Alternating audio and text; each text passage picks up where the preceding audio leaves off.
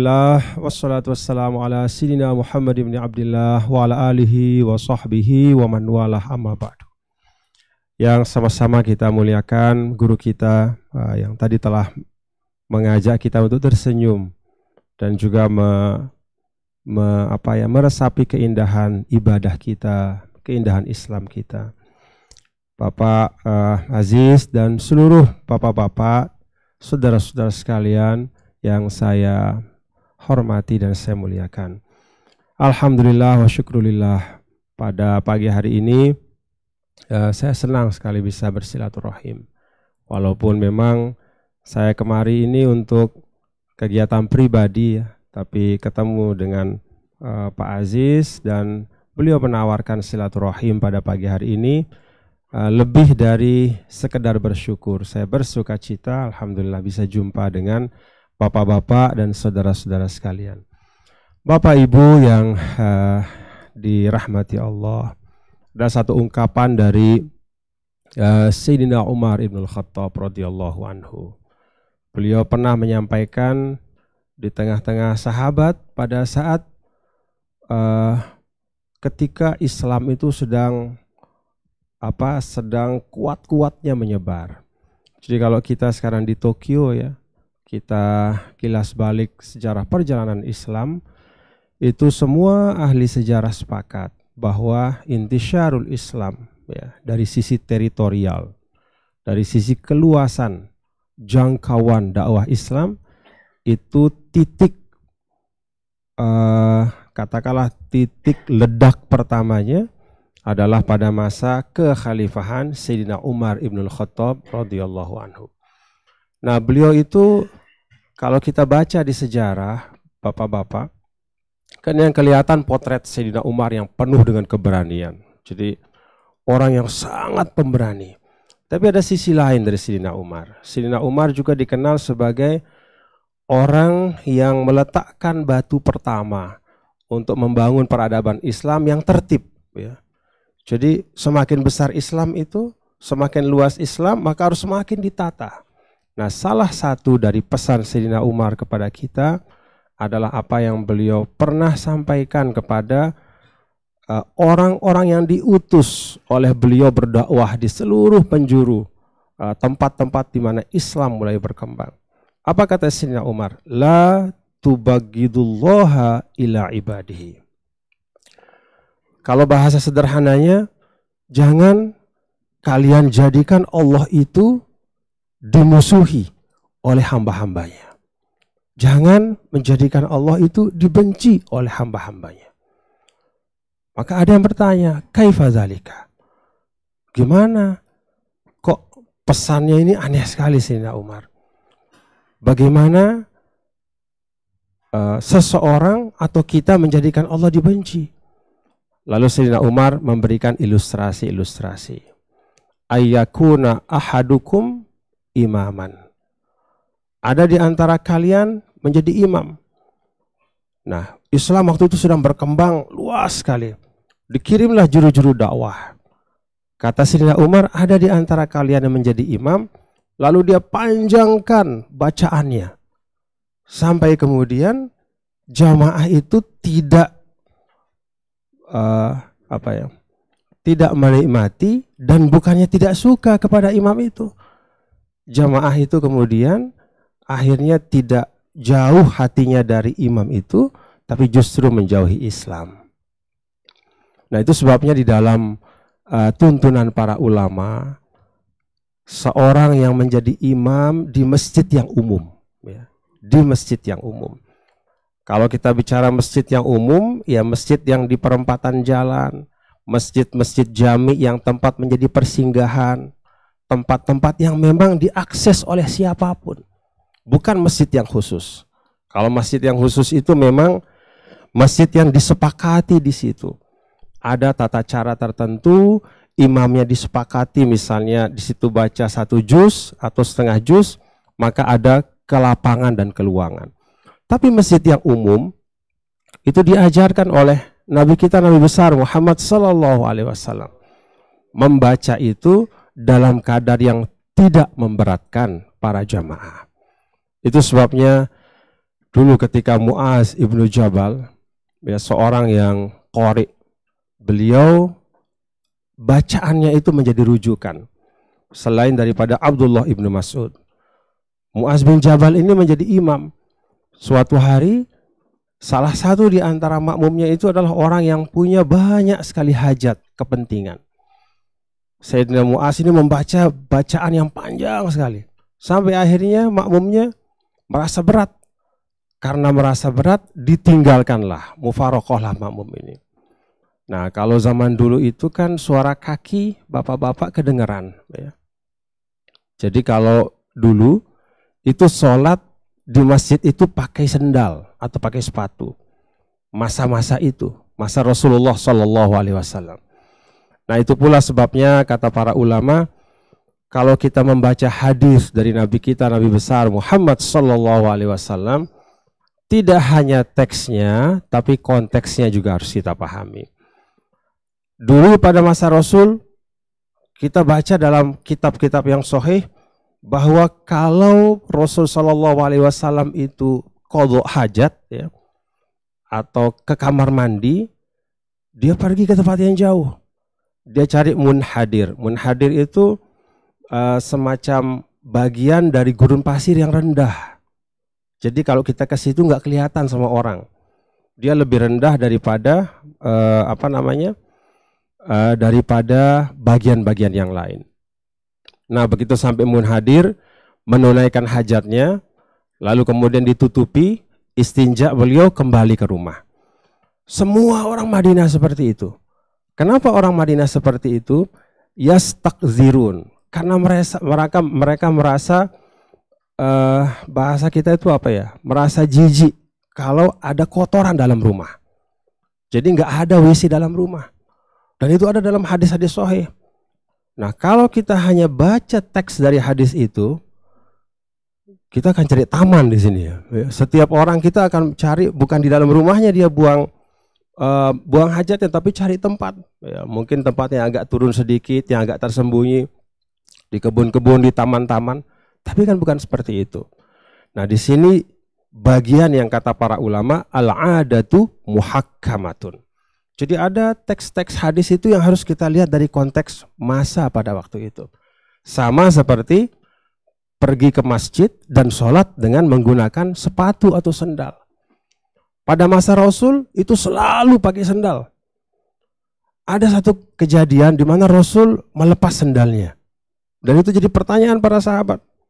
Maka ketika selesai sholat ada yang bertanya, ya Rasulullah, kok Bapak lepas sendal sih? Apa kata Rasul? Saya dibisiki oleh Jibril bahwa ketika jalan ke sini, sepatu saya itu menginjak najis. Maka saya lepaskan. Jadi kalau di masjid sekarang kita ini kaidahnya adalah melepas sepatu, kalau pada masa Rasulullah Shallallahu Alaihi Wasallam kaidahnya ya pakai sepatu. Tapi itu bukan berarti ada orang datang ke masjid ini kemudian tiba-tiba masuk dari luar pakai sepatu, lalu sholat dengan sepatu. Begitu diprotes, kenapa kok pakai sepatu? Ya ini kan hadisnya. Bahwa pada masa Rasul itu semua kalau sholat di masjid itu pakai sepatu. Gak bisa seperti itu. Nah ini bagian-bagian dua contoh kecil bahwa uh, memahami tuntunan Rasulullah Shallallahu Alaihi Wasallam itu harus dengan konteksnya selain dengan teks-teks yang bisa kita baca setiap saat. Nah itu kalau di dalam keterangan para ulama, gabungan antara teks dan konteks itulah yang disebut dengan ilmu. Ya. Kalau teman-teman, sahabat melihat dalam ayat ayat pertama yang turun kepada Nabi yang mulia Rasulullah Shallallahu Alaihi Wasallam, kita lihat kosakatanya di situ. Ada lima ayat dari surah Al-Alaq kata apa yang paling banyak dalam lima ayat itu? Coba bapak-bapak buka. Iqra bismi rabbikal ladzi khalaq. Khalaqal insana min alaq. Iqra wa rabbukal akram alladzi 'allama bil qalam 'allamal insana ma lam ya'lam. Kata Rob yang artinya Tuhan itu dua kali disebut kata al-insan yang merupakan pelaksana tuntunan Tuhan itu dua kali disebut. Tapi kata ilmu ya dalam bentuk kata kerja yang lampau maupun yang sekarang sedang, kalau kata orang Arab fi'il madi dan fi'il mudhari itu tiga kali disebut. Jadi dari kalau kata ulama, kalau Anda mau tahu tingkat urgensi sesuatu itu di dalam Islam, maka lihatlah bagaimana Al-Quran membahasakannya. Jadi kalau kita mau tahu kira-kira sesuatu ini penting nggak sih kita bahas panjang-panjang dalam kehidupan kita. Lihat bagaimana Allah membahasakannya. Mohon maaf ya bapak-bapak saudara.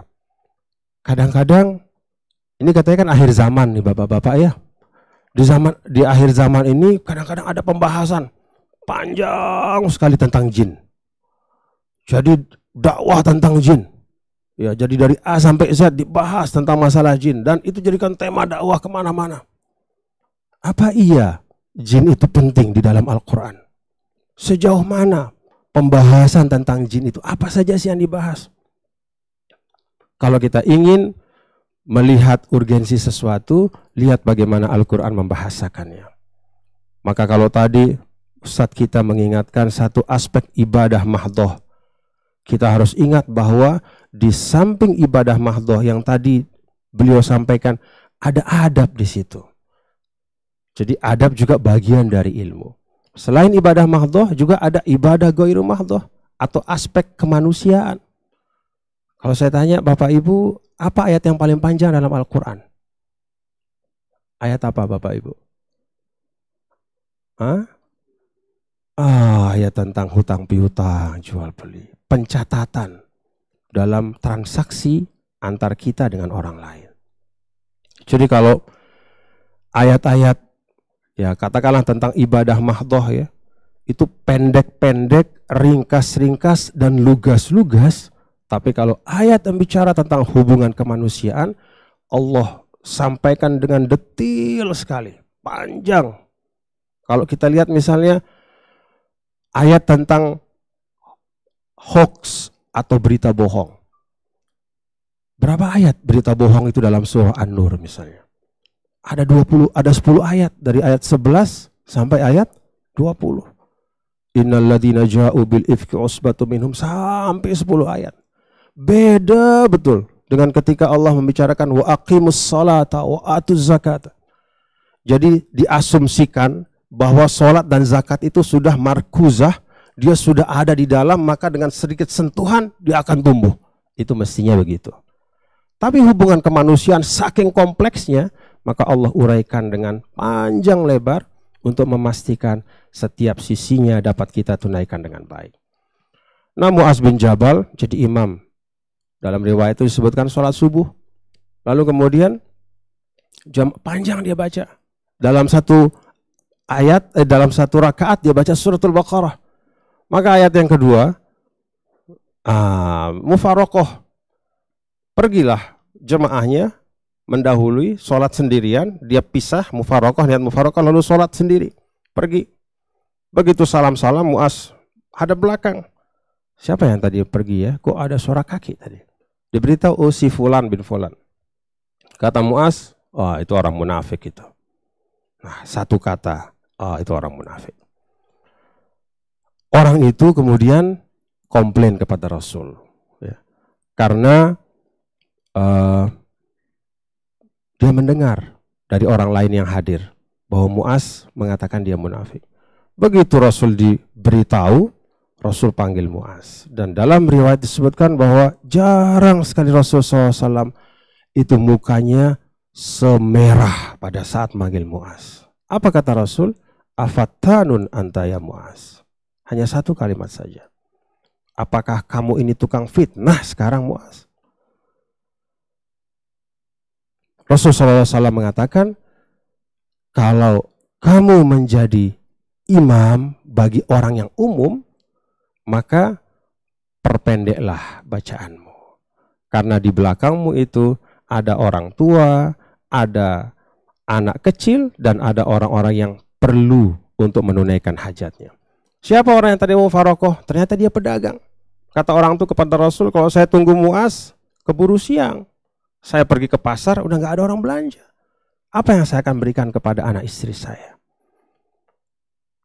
Bapak-bapak dan saudara, apa yang disampaikan oleh Sidina Umar ini adalah pengingat bagi kita semua bahwa yang tidak kalah pentingnya ya di dalam kita berislam adalah bagaimana kita menghadirkan Islam di ruang publik.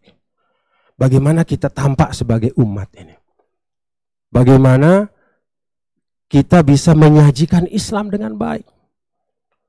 Ada saya baca sekitar satu bulan yang lalu ya, VOA Indonesia. Ya, itu memuat hasil riset dari Pew Pew Research saya lupa lah apa pokoknya ada Pew Research begitu di Amerika. Apa hasil risetnya? Bahwa jumlah yang mu'allaf dan yang murtad di Amerika itu sama. Jadi yang masuk Islam sama yang keluar Islam itu sama. Walaupun secara absolut populasi Islam itu paling progresif pertambahannya. Karena jumlah anak dari pemeluk Islam itu relatif lebih banyak daripada pemeluk agama lain. Jadi pertambahan itu dari dalam. Tambah gitu karena nambah anak. Nambah keturunan. Tapi kalau dilihat dari yang konversi, yang masuk dan yang keluar itu ternyata sama. Apa artinya Bapak Ibu? Artinya adalah bahwa wajah berislam kita ini belum sepenuhnya menunjukkan tuntunan Islam. Sehingga tidak menumbuhkan simpati, apalagi kemudian mau ikut bersama kita ya menjadi bagian dari umat Nabi besar Muhammad Sallallahu Alaihi Wasallam. Ada di suatu negara juga ya seorang cendekiawannya itu namanya Mustafa Akyol. Ya. Dia itu guru besar di Harvard. Dia menulis, mengapa gelombang ateisme di negaranya dia, ya, saya sebut saja di Turki, itu juga meningkat. Jadi walaupun kelihatan semangat keberagamaan semakin tinggi, tapi ternyata ada gelombang juga berputar di bawah. Yang kalau kita tidak hati-hati, kita akan sampai pada suatu masa di mana ternyata yang kita gambarkan dalam pikiran kita tidak sama dengan kenyataan.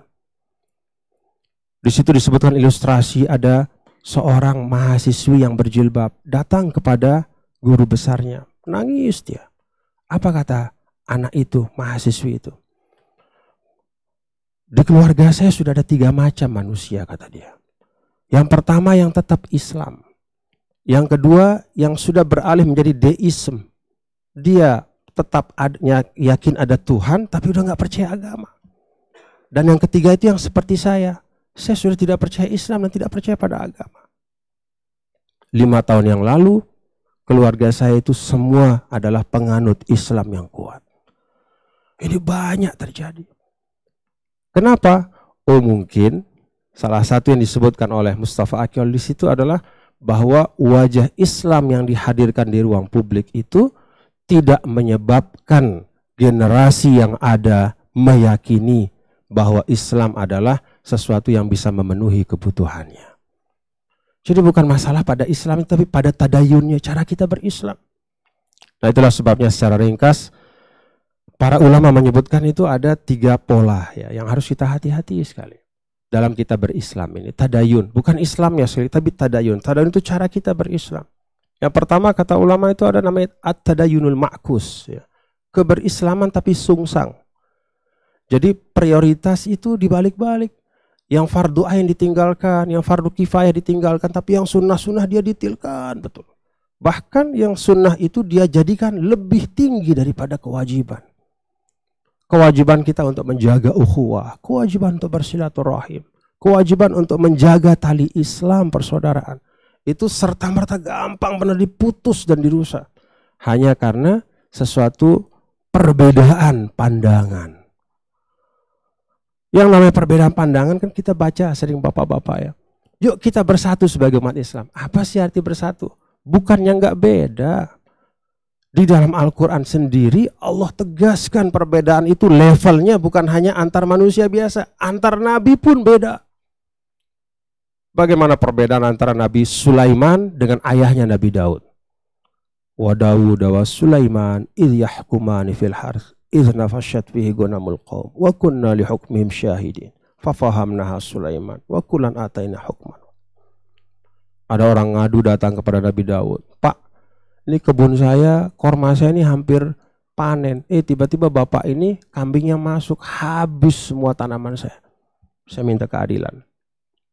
Kata Daud, setelah ngeliat lama, ah, saya putuskan kambing dia ini kamu ambil sebagai ganti dari kormamu, anggurmu yang rusak. Nabi Sulaiman ada di situ. Ayahnya itu Nabi Daud. Apa kata Sulaiman? Maaf pak, ayah, anda nggak kayak begitu. Kalau menurut saya bukan itu keadilan. Bagi saya keadilan adalah kambingnya orang ini diambil untuk dipelihara oleh yang punya kebun kurma, kebun anggur. Kemudian yang punya kambing ditugaskan untuk menanam kembali anggur itu sampai pada titik apa? Titik uh, yang sama dengan ketika dia dirusak oleh kambingnya. Jadi yang punya kambing ditugaskan untuk menumbuhkan kembali, Lalu yang punya kebun itu diberikan kewenangan untuk memelihara dan mengambil manfaat dari kambingnya orang itu. Begitu dia tumbuh sampai pada titik katakanlah misalnya udah siap panen, dibalikin lagi kambingnya dibalikin. Itulah keadilan bagi saya. Ini disebutkan oleh Al-Quran. Level Nabi saja berbeda. Dan ini masalah hukum. Bedanya masalah hukum. Eh kita masalah politik udah ngerusak. Gara-gara masalah remeh betul. Mohon maaf ya remeh dalam tanda kutip. Artinya dibanding masalah hukum, dibanding masalah yang uh, di situ uh, apa namanya ada hak dan kewajiban, ini masalah istihad yang letaknya adalah di dalam ranah di mana kita harus berlapang dada dan saling memaklumi satu sama lain. Untuk yang ranahnya istihad, kita keras benar satu sama lain. Tapi kalau dalam ranah yang lebih, ah, justru kita abaikan. Itu yang disebut kata ulama tadayunul ma'kus. Jadi keberagaman yang sungsang. Jadi apa namanya pohon prioritas itu dibalik ya piramidanya itu kebalik-kebalik ah ada yang kedua kata ulama at-tadayun al-magshush keagamaan yang manipulatif apa itu yang manipulatif? Jadi Allah itu tidak pernah menjadi tujuan akhirnya. Selalu dia menjadi tujuan antara. Jadi kalau dia melakukan sesuatu ya lillahi ta'ala katanya tapi selalu ada di pikiran itu tujuan yang lebih tinggi dari itu. Apakah Allah menjadi tujuanmu? Iya. Tujuan akhir enggak? Nah itu pertanyaannya. Sesuai kalau orang-orang ahli tasawuf itu dia selalu melafalkan zikir ilahi anta maksudi. Jadi anta maksudi itu engkaulah tujuan akhirku. Kan kita ini hidup ya, bapak-bapak saya, anda semua kita. Kita sehari-hari ini banyak betul ya hal yang datang dan pergi kepada kita. Tantangannya bukan sekedar menjadikan Allah sebagai tujuan, tapi menjadikan Allah sebagai tujuan akhir. Kalau kita bicara Allah jadi tujuan, kadang-kadang ya jadi batu lompatan saja. Ya hanya menjadi tujuan perantara saja untuk sesuatu yang sebenarnya untuk kepentingan kita, untuk hawa nafsu kita. Nah ini yang juga diingatkan oleh para ulama. Dan ketika ini menggejala menjadi gejala umum, orang juga bisa lihat, wah ini kalau di Indonesia umat Islamnya kok kelihatannya bukan Allah jadi tujuan akhir ya. Bisa jadi orang begitu. Yang ketiga, itu disebut at-tadayun al-mahrus. Tadayun mahrus itu keberagamaan yang dikawal. Apa maksudnya dikawal? Siapa yang menjadi pengawalnya? Mata manusia. Jadi di dalam aspek-aspek keislaman yang bisa dilihat oleh mata manusia, duh rajinnya kita luar biasa. Tapi dalam hal-hal yang sifatnya private, hubungan hutang piutang dengan orang lain, hubungan hak dan kewajiban dengan orang-orang tertentu yang tidak menjadi ranah publik, kita tidak mampu mencerminkan tuntunan Islam yang baik. Itu sebabnya tidak ada korelasinya. Orang banyak ke masjid tapi banyaknya hutang yang macet itu nggak ada korelasinya. Bisa jadi di masyarakat yang banyak ke masjid tapi ternyata kecurangan ya, transaksi-transaksi yang tidak kredibel ya. Kemudian apa namanya tipu menipu perilaku koruptif bisa ada. Kenapa? Karena yang di sini ini wilayahnya nggak kelihatan yang itu wilayahnya bisa dilihat. Dia beragama ya dengan dikawal tapi yang mengawal bukan Allah, yang mengawal itu mata manusia. Nah, itu tiga hal. Dari banyak hal yang kalau kata ulama perlu kita untuk mengingat terus ya. Bahwa uh, tadayun ya atau sikap beragama kita itu penting untuk terus menerus kita koreksi supaya seperti kata Sinina Umar dalam ungkapan beliau la tubagidullaha ila ibadi. Jangan kalian menjadikan Allah dibenci oleh manusia karena kita salah di dalam merepresentasikan tuntunan Allah dalam kehidupan. Wallahu alam. Terima kasih. Assalamualaikum warahmatullahi wabarakatuh